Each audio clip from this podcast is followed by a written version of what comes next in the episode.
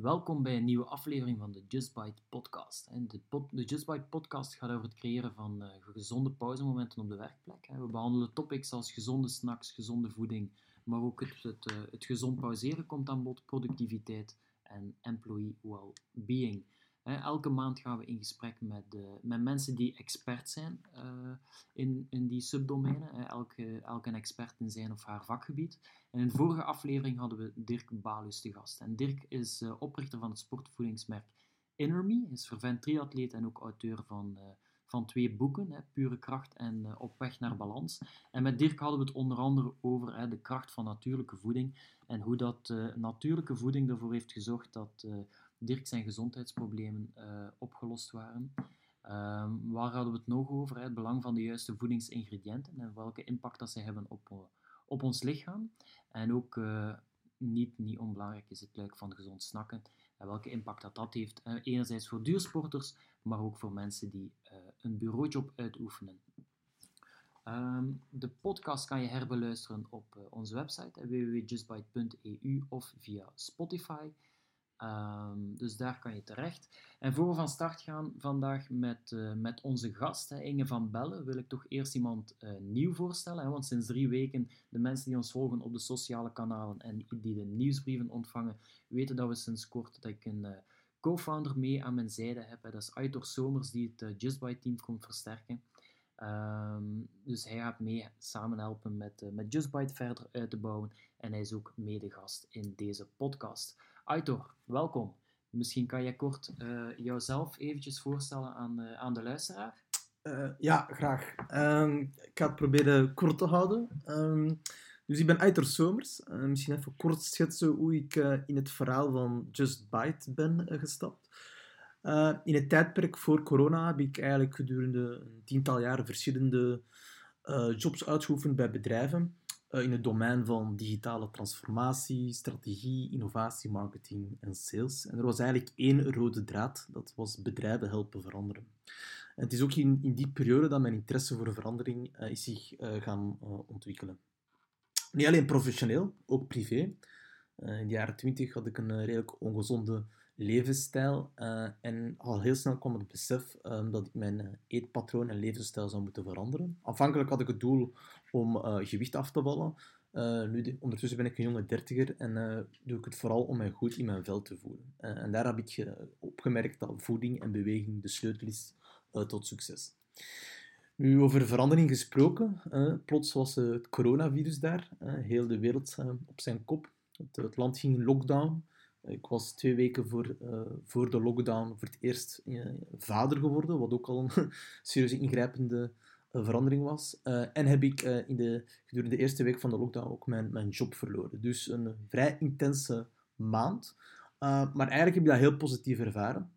Want ik heb een pauzemoment kunnen inlassen van vier maanden. Dus ik had plots tijd om, om door te brengen met mijn zoontje. Hoeveel vaders kunnen, kunnen zeggen dat ze de eerste vier maanden fulltime met mijn zoon en met mijn uh, hebben doorgebracht. Ik kreeg extra veel tijd om te sporten, met gezonde voeding bezig te zijn. Uh, en uiteindelijk de sprong te maken om mijn ondernemersdroom vorm te geven door toe te treden bij Just Bite. Kevin en ik, kennen elkaar al, al tien jaar van onze studentenperiode. destijds hebben we ook is, iets ondernomen, altijd contact gehouden om samen iets te ondernemen. we zijn heel complementair, wat eigenlijk voor een balans zorgt in ons ondernemersverhaal. En ja, na, na wat wikken en wegen uiteindelijk de knoop doorgehakt om er samen een, een, mooi verhaal van te maken. En samen met Kevin wil ik impact maken door verandering teweeg te brengen bij werknemers en bedrijven door gezond te pauzeren. een eerste stap naar een gezondere levensstijl en uiteindelijk ook een gezondere samenleving. Maar genoeg over mij. laten we overgaan naar onze centrale gast. Um, vandaag hebben we Inge van Bellen, co-founder bij Herklin Alliance, te gast. Um, ik heb Inge leren kennen tijdens mijn vorige job als uh, senior consultant bij Duval Union Consulting. Uh, nu heet dat Scopernia. Uh, en destijds behoorden onze bedrijven tot dezelfde groep, namelijk Duval Union.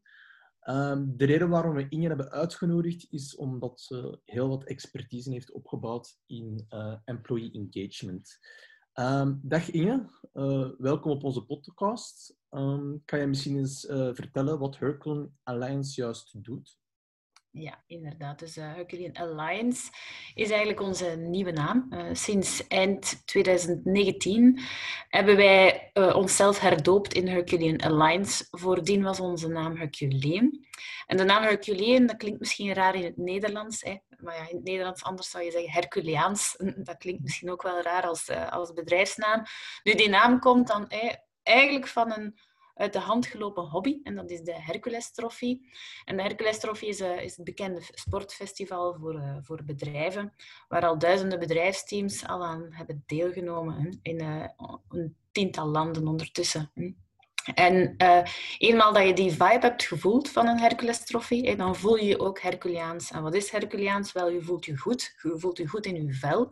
Je voelt je enorm geconnecteerd uh, met de andere medewerkers of, of met, de, met de collega's en de andere deelnemers. En uh, je voelt je ook wel een klein beetje heroïs, want je hebt twaalf werken gedaan, dus je voelt je wel een klein beetje zoals een held. Dus vandaar die naam.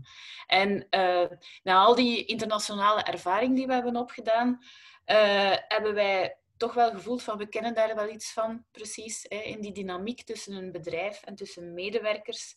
Um, en zeker hè, in die andere landen, we hebben met heel veel nationaliteiten samengewerkt, ook met vier generaties op de werkvloer. En vandaar dat we zeiden van oké, okay, we zijn blijkbaar dan toch gespecialiseerd in iets heel specifieks en dat is dan uh, employee engagement. Mm -hmm. okay. Vandaar de naam en wat dat wij doen. Alright. Op jullie, uh, op jullie website staat dat jullie een, uh, een, een, ecosysteem willen uitbouwen van uh, specialisten in employee engagement. Kan je meer toelichten wat moeten we verstaan onder een ecosysteem? waarom deze aanpak? En, en hoe, hoe gaan jullie dat nu eigenlijk in, in praktijk realiseren? Ja. ja, dan moet ik eventjes daarvoor teruggaan naar wat is employee engagement eigenlijk, hè? dus betrokkenheid van medewerkers. We hebben gezien in, uh, in al die jaren dat employee engagement dan toch wel een vrij complex gegeven is. Hè? En uh, employee engagement kan je niet onder één noemer gaan, gaan, uh, gaan plaatsen, omdat er heel veel factoren zijn die employee engagement of medewerkersbetrokkenheid beïnvloeden. En veel mensen denken in eerste instantie aan welzijn en aan well-being. Dat is absoluut een heel belangrijke driver. Een andere driver die nu enorm de kop opsteekt, is, is eh, leiderschap en ook eh, de growth mindset, dus je eigen persoonlijke groei. Een andere factor die uiteraard de laatste maanden enorm uh, belangrijk is geworden, is uh, flexibiliteit rond telewerken. Ja. Dus we hebben eigenlijk een, een, tiental, wel soms twaalftal parameters of drivers die employee engagement beïnvloeden. En uh, om dat allemaal in kaart te kunnen brengen en om dat allemaal te kunnen tackelen, zou wel zeer arrogant zijn van ons van te zeggen van dat wij in al die factoren, in al die drivers specialist zijn. Wij beschouwen onszelf meer als een integrator. En vandaar dat we ook een ecosysteem uitbouwen met specialisten in al die verschillende vakgebieden. Om samen met die experten in die specifieke gebieden, zoals bijvoorbeeld bij jullie is het dan voeding, om samen naar die klanten te gaan en die bedrijven te kunnen helpen uh, om het zwaarste probleem eerst op die pijnpunten aan te pakken en om dan naar het volgende stadium te gaan. Oké, interessant. Dus ik het goed begrijp, zeggen jullie van jullie zijn specialisten in employee engagement, maar we kunnen het eigenlijk allemaal niet zelf beheersen en daarom doen we beroep op, op partners uh, om eigenlijk samen organisaties te helpen rond employee engagement. Um, en welke zijn de facetten dan zoal naast voeding? Wat moeten we daar nog allemaal onder begrijpen? Ja, dus inderdaad, zoals ik daar juist aanhaalde, well-being is heel belangrijk. En wij onderscheiden well-being eigenlijk in vier deelcomponenten. Voeding is daar een belangrijke van, maar uiteraard ook beweging. Mm-hmm. Daarnaast heb je ook het mentale welzijn, dat zeker nu in tijden van corona uh, niet onbelangrijk is geworden. En de vierde component bij welzijn is, is sociaal. Hè? Dus het sociale welzijn, de connectie met uw collega's, de connectie met het bedrijf. Uh, dus, uh, zo, want die drie eerste componenten kunnen eigenlijk perfect in balans zijn, maar als je die vierde component niet hebt, dan heb je dus ook geen geëngageerde medewerker. Daarnaast, naast dat well-being, heb je dus inderdaad ook die leiderschap, maar een andere factor die ook heel belangrijk is uh, in het engagement van medewerkers is ook de, de omgeving, de kantooromgeving. Die kan bijzonder stimulerend of net niet stimulerend zijn in het welzijn, maar ook in het engagement van medewerkers. Ja, laat dat nu juist vandaag denk ik een heel grote uitdaging zijn met uh, COVID en, en corona. Uh, heb je daar misschien uh, al over nagedacht met, met jullie groep? Van, van ja, hoe moeten, hoe moeten bedrijven nu inspelen op die nieuwe realiteit? Um, um, gezegd, de werkomgeving is een heel belangrijk aspect in het welzijn. Uh, mensen werken van thuis. hebben jullie daar tips en tricks? Of, of hoe moeten bedrijven dat dan aanpakken om, om hun medewerkers toch geëngageerd te houden? Ja, dat is inderdaad een bijzonder hot topic momenteel. Ik denk dat niemand momenteel de 100% sluitend antwoord heeft. Vooral ook omdat de situatie enorm aan het veranderen is. We zijn ondertussen sinds half maart eh, in deze situatie. Ondertussen eh, zijn we al zoveel maanden verder. En de situatie is ook enorm, uh, heeft zo hard gefluctueerd dat je zei van de eerste maanden, uiteraard de eerste weken, waren de bedrijven enorm bezig met het technologische aspect in orde te krijgen. Nu op zich heeft het heel snel, uh, is dat heel snel gelukt. En je merkte zeker tot het begin van de zomer dat dat uh, zeer goed, of dat een echt een goede kwam aan de productiviteit van de medewerkers. Dus mensen konden voor het eerst sinds lange tijd een keer de files vermijden, zich echt focussen op hun eigen taken en minder afleidingen, ga zo maar door. En op zich, in het begin zag je, ja, dat was heel sterk. Um, nu, ik, ik, denk ergens dat we rond begin juni, midden juni, hebben beginnen voelen dat, dat, uh, dat de productiviteit terug aan het dalen is. En hoe komt dat eigenlijk? Omdat je niet altijd alles van op afstand kan gaan doen.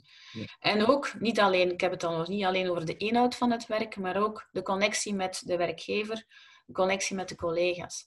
Er zijn nu eenmaal bepaalde zaken die je intiem moet doen, hè, en waar dat je effectief een keer moet samenzitten. En dan heb ik het niet alleen over de creatieve jobs, hè, maar eigenlijk heel veel zaken die deel uitmaken van je dagelijkse job. Dat kan je een tijdje op je eentje doen, maar als je dat niet kan doen samen met je collega's, op zich heeft dat effectief wel een negatief effect. Dus we, ja, het is, mijn antwoord is niet sluitend in die zin van het, het is zodanig veranderd de laatste maanden dat je eigenlijk moet kijken op elk moment wat is nu de best mogelijke oplossing. Dus mijn antwoord zou twee maanden geleden helemaal anders geweest zijn dan nu. Dus, maar één is wel zo. Je moet eigenlijk als bedrijf continu blijven die connectie houden met je medewerkers. En als dat alleen maar op afstand kan, dan is dat alleen maar op afstand. Maar op een gegeven moment ga je wel terug tot een moment moeten komen dat je effectief terug een bepaalde manier hebt van fysiek samen te komen. Dus wat we eigenlijk al jaren prediken, het digital aspect. Mhm. Dus aan de ene kant het fysieke aspect, echt effectief ontmoetingen tussen uw medewerkers faciliteren.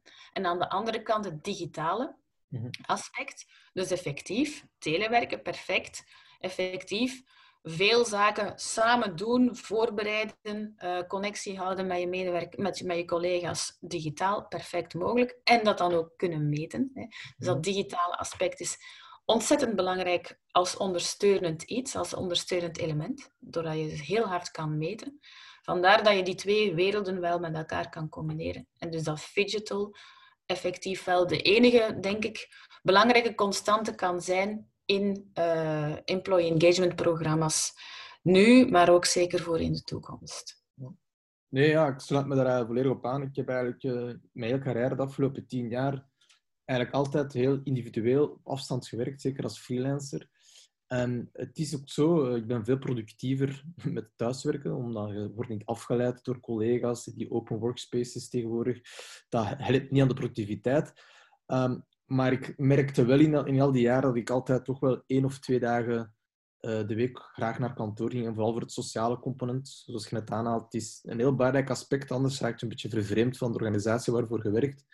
Uh, en ook um, ja, creatieve brainstorms of, of sommige meetings werken toch nog altijd beter uh, fysiek. Maar uh, ik denk, geloof ook wel dat de, de toekomst uh, een combinatie zal zijn, zoals gezegd, digital. ik denk dat dat de, de, way to go is.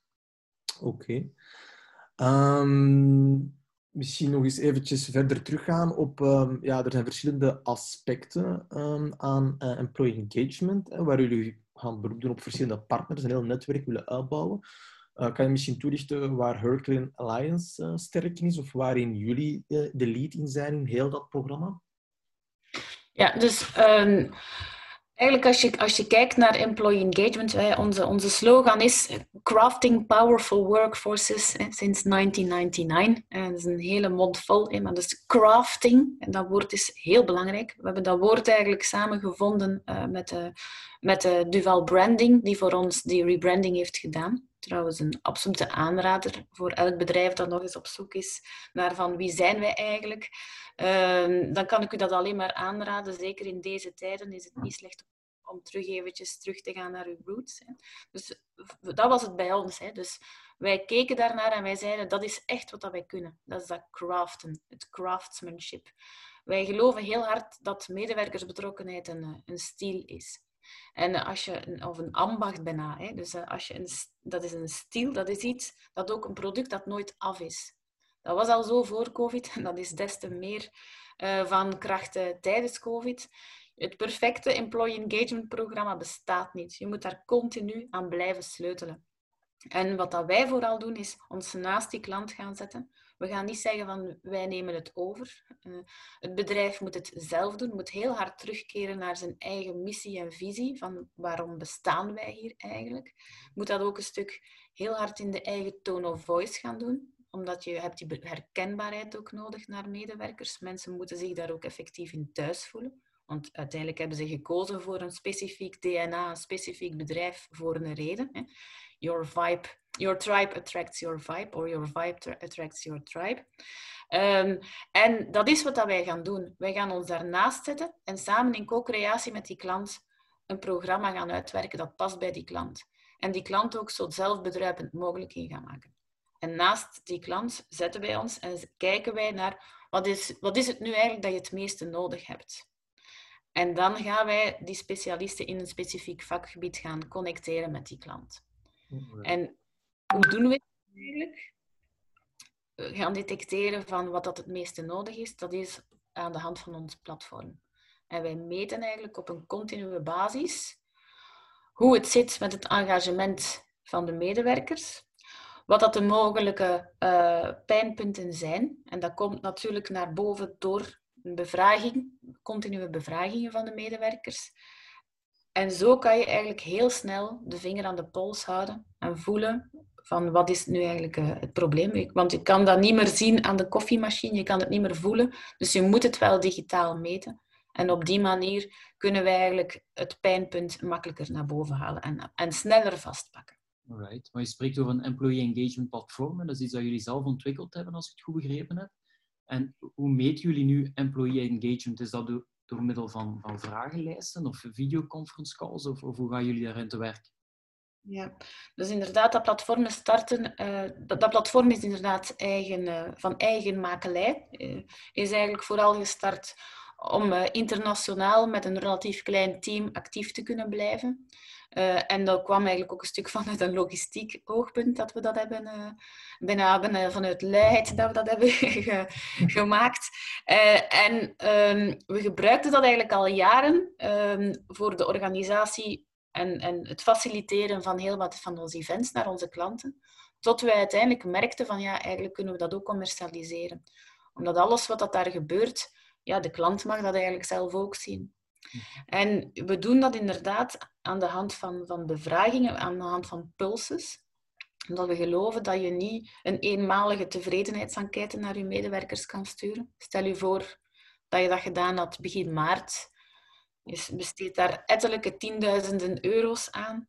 En dan, ja, dan komt COVID en dan kan je gewoon het hele onderzoek en de resultaten ervan in de vuilbak gaan gooien. Uh, we geloven ook, als je dat één keer per jaar doet, dat dat absoluut niet uh, representatief is. Dus heel afhankelijk van, van het moment dat je dat doet. Dus je moet dat eigenlijk op een continue manier gaan meten. En dat doe je inderdaad aan de hand van surveys. Maar lichte surveys, hè, omdat je merkt dat er heel wat medewerkers toch wel uh, een zekere survey-moeheid hebben. Maar uiteraard hebben wij daar een aantal technieken voor. Wij komen uit de, uit de festivalwereld, hè, uit de sportfestivalwereld, waar dat we het gewoon zijn om mensen eigenlijk op een heel ludieke uh, manier te triggeren. Hè. We gebruiken daar gamification voor, waardoor dat mensen heel hard geneigd zijn om effectief die korte pulses of surveys van ons te gaan invullen. En doordat we dat continu meten en die verschillende parameters die ik daar juist aanhaalde, kan je ook heel snel zien waar het pijnpunt is. En dan doen we iets dat misschien een beetje um, contra-intuïtief is voor heel wat managers, of zelfs chockerend is voor heel wat managers. Dat is, wij gaan die resultaten transparant gaan delen doorheen de organisatie in één dashboard. En op dat dashboard kan je dus duidelijk zien, ha, waar scoren wij zwak op als organisatie? Oei, precies wel op communicatie of op leiderschap. Ga zo maar door. Of, of op well-being. Onze mensen bewegen niet genoeg. Of vinden gezonde voeding misschien wel belangrijk, maar ze doen er niks aan. En dat kan je eigenlijk als organisatie ook zien. En dan kan je als leidinggevende ook aantonen van, voilà, inderdaad, daar zijn we niet goed in, maar laat ons nu een drietal punten identificeren en samen met de organisatie afspreken van daar gaan we nu eerst op focussen. En daardoor zijn medewerkers ook gemakkelijker geneigd om daaraan mee te werken, omdat ze zien van voilà, het is niet de zoveelste bevraging waarvan dat ik dan toch niet de resultaten ga weten of misschien pas binnen een zes maanden als de wereld weer veranderd is. Nee, voilà, ik kan onmiddellijk een impact hebben. Er wordt effectief naar mij geluisterd en we gaan het samen aanpakken. Vandaar dat je veel gemakkelijker die goodwill creëert bij medewerkers. Mm Oké, interessant. Ja, absoluut. Jij sprak daarnet ook over, uh, over evenementen, uh, Inge. Ik kan me inbeelden deze dagen uh, met de corona, dat die heel sterk onder druk zijn komen te staan. we, hadden het ook over, over de connectie, connectie met thuiswerkers. Hoe gaan jullie daar mee om deze dagen? Hoe transformeren jullie die eventen naar de huidige, huidige situatie? Ja, dat is een, een, een zeer heikel punt. Hè. Dus inderdaad, je moet wel op een gegeven moment kunnen samenkomen. Uh, het liefst doen wij dat in grotere groepen. Het liefst doen wij dat inderdaad met het hele bedrijf. Maar zeker nu in deze omstandigheden kan je geen grote groepen samenbrengen. Dus doen we het op een andere manier. We, we bekijken sowieso een bedrijf als, of een organisatie als een, als een verzameling van teams. Uiteindelijk, iedereen zit in een team of je zit in meerdere teams.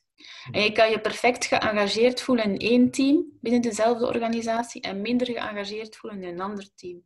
En dat is enorm afhankelijk van team tot team en wie dat uw directe teamleden zijn. Dus vandaar dat wij meer en meer werken op kleinere groepen en werken vanuit die teams. En als je vanuit die teams die, uh, die groepsleden samen kan brengen in hun eigen bubbel, dan kan je wel iets gaan doen. Dus wij organiseren eigenlijk kleinere teamsessies, waar dat we ze samenbrengen, effectief fysiek.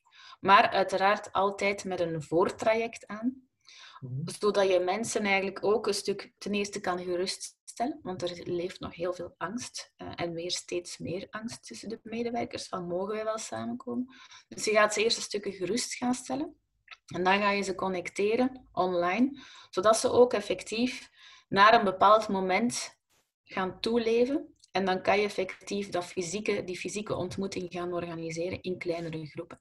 En we hebben daar een specifiek concept voor, dat heet de Herculean Urban uh, Battle, onze hub, waar dat we samen met die mensen op stap gaan uh, in, een soort, in een vorm van citygame, waar ze outdoor, maar niet in sport, dus ze hoeven elkaar niet aan te raken, of dus ze moeten geen schrik hebben dat, ze, dat er een fysieke uh, risico is. Dus ze gaan de stad in met een tablet en ze gaan van alles gaan doen in die stad. Heel diverse opdrachten, die zeer toegankelijk zijn voor alle generaties. En uh, ze leren er iets bij, maar het is niet puur, uh, we gaan even uh, toerist gaan spelen in de stad. nee, die, die, die citygame is steeds op maat van het bedrijf. En we steken er heel veel van de missie en de visie van het bedrijf in, zodat je enorm veel connectie rond de specifieke uh, vibe van uw bedrijf kan terugopbouwen. Ja, klinkt super uh, tof dat jullie, uh, jullie alleen maar hebben kunnen aanpassen aan de nieuwe situatie. Um, je sprak over verschillende generaties bereiken. En je sprak over de visie en de missie en waarde van een bedrijf, dat jullie daar heel hard naar kijken, dat proberen te begrijpen en van daaruit te vertrekken. Uh, heel boeiend, uh, iets wat ons ook enorm fascineert. We hebben trouwens ook toen we Just Bite, toen ik erbij kwam, heel erg nagedacht over, oké, wat is nu onze visie of waar willen we eigenlijk aan, aan gaan bijdragen? En echt gaan, gaan, gaan kijken van hoe kunnen wij maatschappelijk meerwaarde gaan creëren. En van daaruit de why, what, how van Simon Sinek, zijn model, toegepast. Omdat we echt geloven, zeker, Kevin en ik, we zijn van een jongere generatie, we zijn dertigers. ik denk generatie I en generatie Z staan een beetje anders in het leven.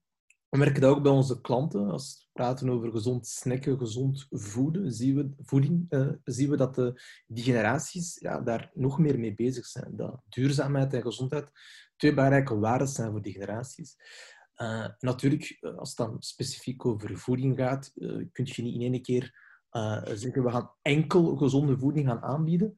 je moet ook je andere medewerkers nog kunnen, kunnen meekrijgen. En ik uh, iets, iets, iets, een probleem is die zich voordoet um, voor, voor alle bedrijven. Uh, ik denk ook, uh, als je praat over employee engagement, hoe, hoe pakken bedrijven dat beste aan? rekening houden dat er eigenlijk vijf generaties op de werkvloer zijn, elk met hun eigen waarden, normen, verwachtingen en gedragingen. Hoe, hoe, hoe moeten bedrijven dat aanpakken om, om toch iedereen geëngageerd te krijgen? Ja, wel, ik zal een kort en een, een, een, langer antwoord geven. Mijn korte antwoord is, ja, je kunt dat alleen maar oplossen door je aanpak te diversifiëren. Dus dat is, je zit met diversiteit, dus je moet ook een gediversifieerde aanpak hebben. Dus uh, een one-size-fits-all aanpak, dat pakt niet meer. We zitten niet alleen nog maar met allemaal uh, uh, laat ons zeggen, blanke mannen um, van 40 jaar in je, in uw populatie. En, en dat is natuurlijk wat dat je juist wilt. Hè. Het is tegelijk jouw kracht, maar tegelijk ook, als je dat niet goed aanpakt, is dat tegelijk, kan dat ook tegelijk zich tegen u keren. Dus het enige dat je kan doen, is in je aanpak rekening houden met die verschillende doelgroepen. Je spreekt over vier ja, vijf generaties. Het zijn inderdaad tegenwoordig vijf generaties. Maar het is nog complexer dan dat. Hè. We zitten met heel veel nationaliteiten ook. Hè. We zitten met een steeds hoger aantal allochtonen die ook wel willen gehoord worden. En wij gaan daar altijd maar vanuit dat de mensen allemaal zijn zoals wij. En dat is absoluut niet. Ook een bepaalde tone of voice die voor andere mensen soms heel uh, offensief kan zijn. Hè. Dus daar moet je enorm rekening mee houden. En het enige dat je daar in het begin wat je moet doen, is vooral zorgen dat je communicatie is aangepast aan die verschillende doelgroepen. En ook dat je, wat dat je ook organiseert, om die mensen te connecteren. Wij noemen dat moments that matter. Dus als je die creëert, als je die organiseert, dat je ook ziet dat die verschillende doelgroepen zich aangetrokken voelen daartoe. En dat is nu net iets wat we geleerd hebben, zeker eh, in, eh, in het Midden-Oosten, waar dat we heel wat eh, van die zaken hebben geïmplementeerd. Dat is, je moet een, een soort van common denominator vinden aan alles wat er bij de mens sneller hun, hun, hun, hun, hart sneller doet slaan. En dat lukt ook. Er is wel effectief iets dat de mensen, dat universeel is aan de mensen. En van daaruit vertrek je dan.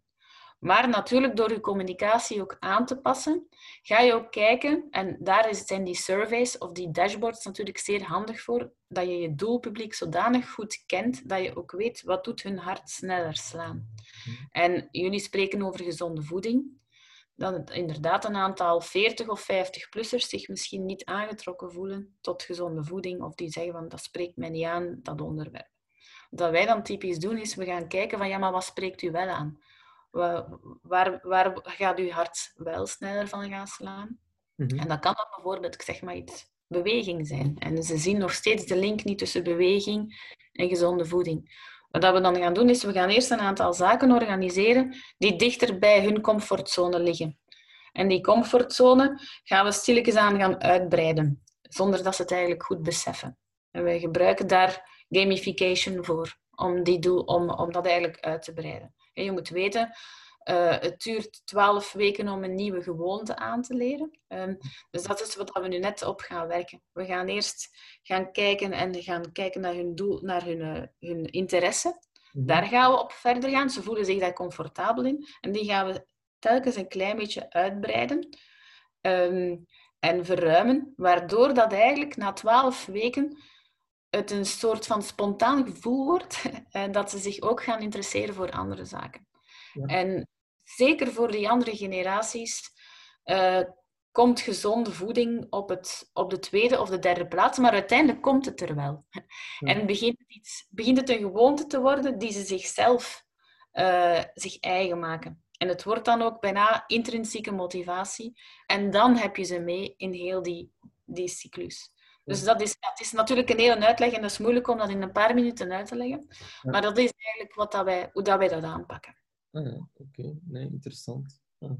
Ja, uh, want inderdaad, we hebben het heel veel over die gezonde snacks en je spreekt ook over ja, stap per stap verandering van, uh, van gedrag. Dat is ook, is, vooral sinds dat Uitor erbij gekomen is, iets waar we nog, nog veel harder op inzetten. Hè? Want we hebben enerzijds de gezonde snacks bij Just Bite, maar anderzijds hebben we een heel belangrijk communicatieluik, communicatie voor sensibilisering. Waar we eigenlijk stapsgewijs mensen gaan, gaan motiveren om gezond, uh, gezond te gaan pauzeren. En we zien dat zelf ook in de praktijk. Hè. Dat, gaat, dat gaat stapje per stapje. Je hebt mensen nodig die, uh, die het al doen hè, en die anderen meetrekken stelselmatig. Maar bij onze boxen, hè, we leveren tal van materialen, van posters en infofiches en dergelijke, om eigenlijk die mensen ja, daarvan bewust te maken uh, van, het, van het belang daarvan en om die stap per stap tot verandering van gedrag te, aan te zetten. Ja. ja. Het is, want je spreekt over tot interessante twaalf weken duurt het om een gewoonte aan te kweken, inderdaad. En eigenlijk als je kijkt naar gedragsverandering, is er eigenlijk een heel interessante uh, tactiek die je kunt toepassen. En dat is eigenlijk uh, je omgeving veranderen. Dus nu bij ons bijvoorbeeld, als je als werkgever gewoon gezonde snacks begint aan te bieden, dan gaan mensen ervan beginnen proeven. En als je dat recurrent blijft aanbieden, dan gaan mensen daar steeds meer van eten, eten, eten. En dan komen ze uit tot de inzicht van, van uh, dat dat uh, wel, wel lekker kan zijn. Of gaan ze zich daar meer, meer en meer gaan beginnen in verdiepen en kan dan naar de volgende stap leiden. Het is maar een klein stapje dat we zetten, maar het is wel uh, belangrijk om, het te, om het te kunnen realiseren dat het wordt aangeboden. Dat is, Hetzelfde met mensen die goede voornemens hebben om een, gewoonte te veranderen. Ik wil minder alcohol drinken. Ja, heel simpel. Haal geen alcohol in huis en dan ga je minder drinken.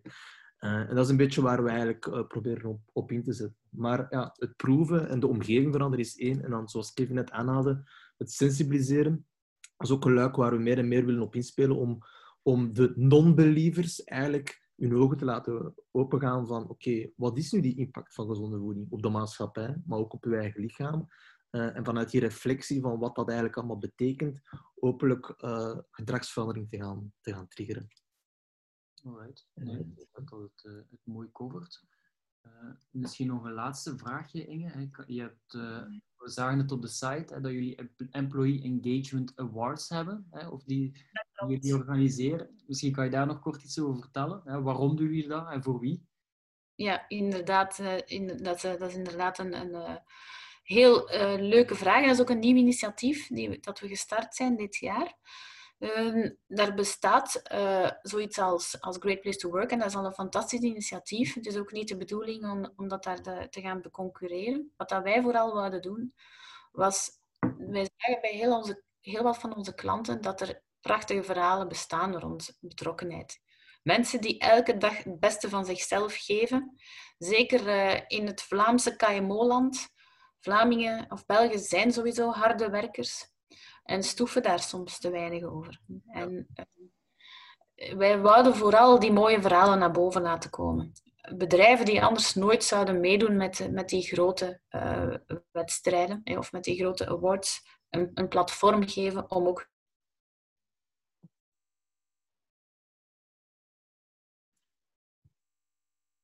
corona opzetten.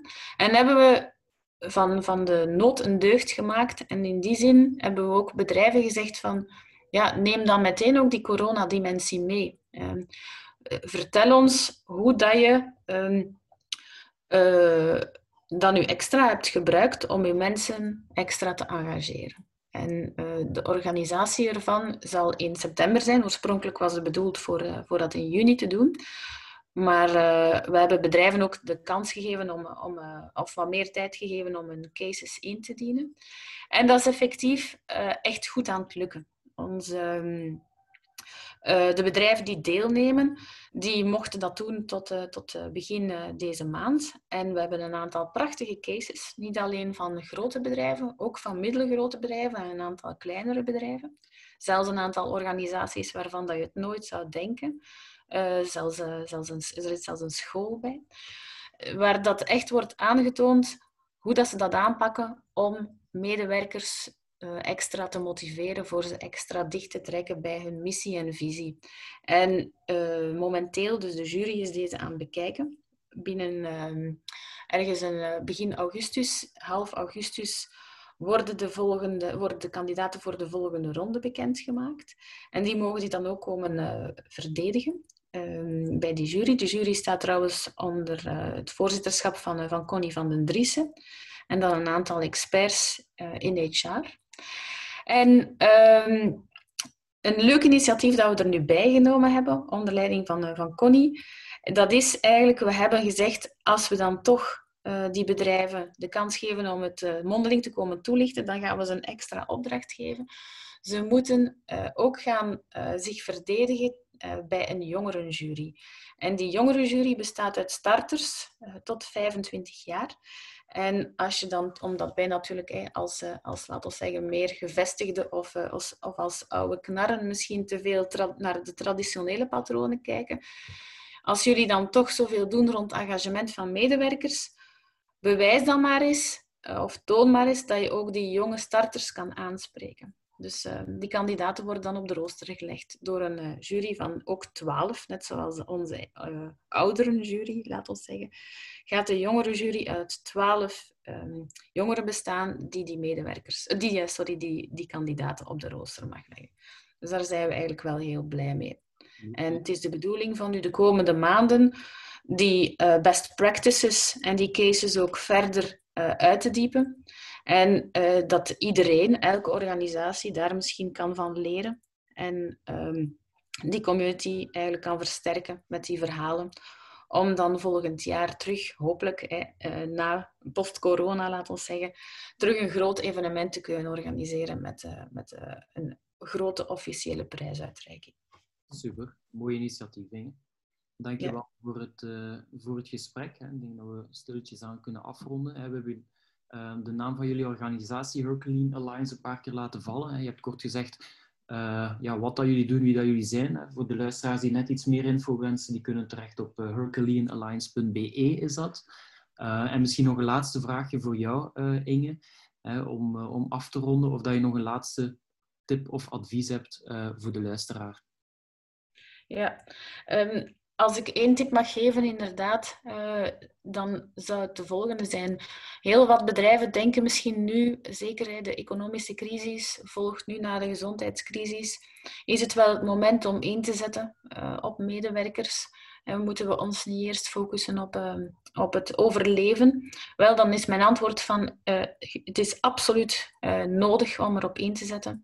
Het is, uh, employee engagement is zelfs een heel belangrijke sleutelfactor in uw overlevingsstrategie. Dus uh, vandaar mijn advies. Investeer um, nu in employee engagement, want het is absoluut meer dan ooit het moment. Super, dankjewel okay. daarvoor. Dank u wel, Inge. Dank u wel, Kevin en. Veel succes. Dank. En dan... En, om, mij, om mij nog heel kort op jouw tip uh, verder te gaan, dat is ook waar we het volgende keer op over gaan hebben. Hè. Volgende keer hebben we Anne de Bisschop te gast. Zij is uh, auteur van, van, van twee boeken, hè, Aftellen naar Maandag. En recentelijk heeft ze ook een nieuw boek uitgebracht, Well-being is winst. Hè. Dus dat is een, een mooi verlengde over wat we vandaag besproken hebben. En als well-being consultant gelooft zij, net als, als jullie en als ons, dat werknemers het grootste en het belangrijkste kapitaal zijn van, van elke onderneming. Dus ook ja. voor de luisteraars, als er vragen zijn voor Anne uh, of voor ons specifiek, dan mogen jullie altijd doorsturen uh, via onze socia sociale kanalen of door een mailtje te sturen naar info.justbyte.eu. Ja. Voilà. Oké. Okay. Ik zou in elk geval zeker ook het boek van Anne, of de twee boeken, uh, liever willen aanraden. Uh, wij zijn altijd zwaar geconnecteerd. We werken ook samen met Anne. Uh, er komt ook trouwens een stukje over employee engagement in het boek voor van Anne. En wij zijn ook een boek aan het schrijven rond employee engagement trouwens, samen met Klaus. Ja, met Klaus van, van Duval Union. En Anne komt ook trouwens in ons boek, dus vandaar de wereld is. een beetje kruis. Oké, okay, ja. dat, dat wisten jullie. Interessant. We kijken uit naar jullie boek. Dat gaan we zeker ook lezen. En dan kun, kan je nog eens op onze podcast komen om meer uitleg te geven over, over jullie boek. alvast bedankt Inge. Uh, en uh, veel succes met uh, alles wat jullie doen. Hetzelfde voor jullie. Tot ziens. Dank u wel. Bye bye. Dag.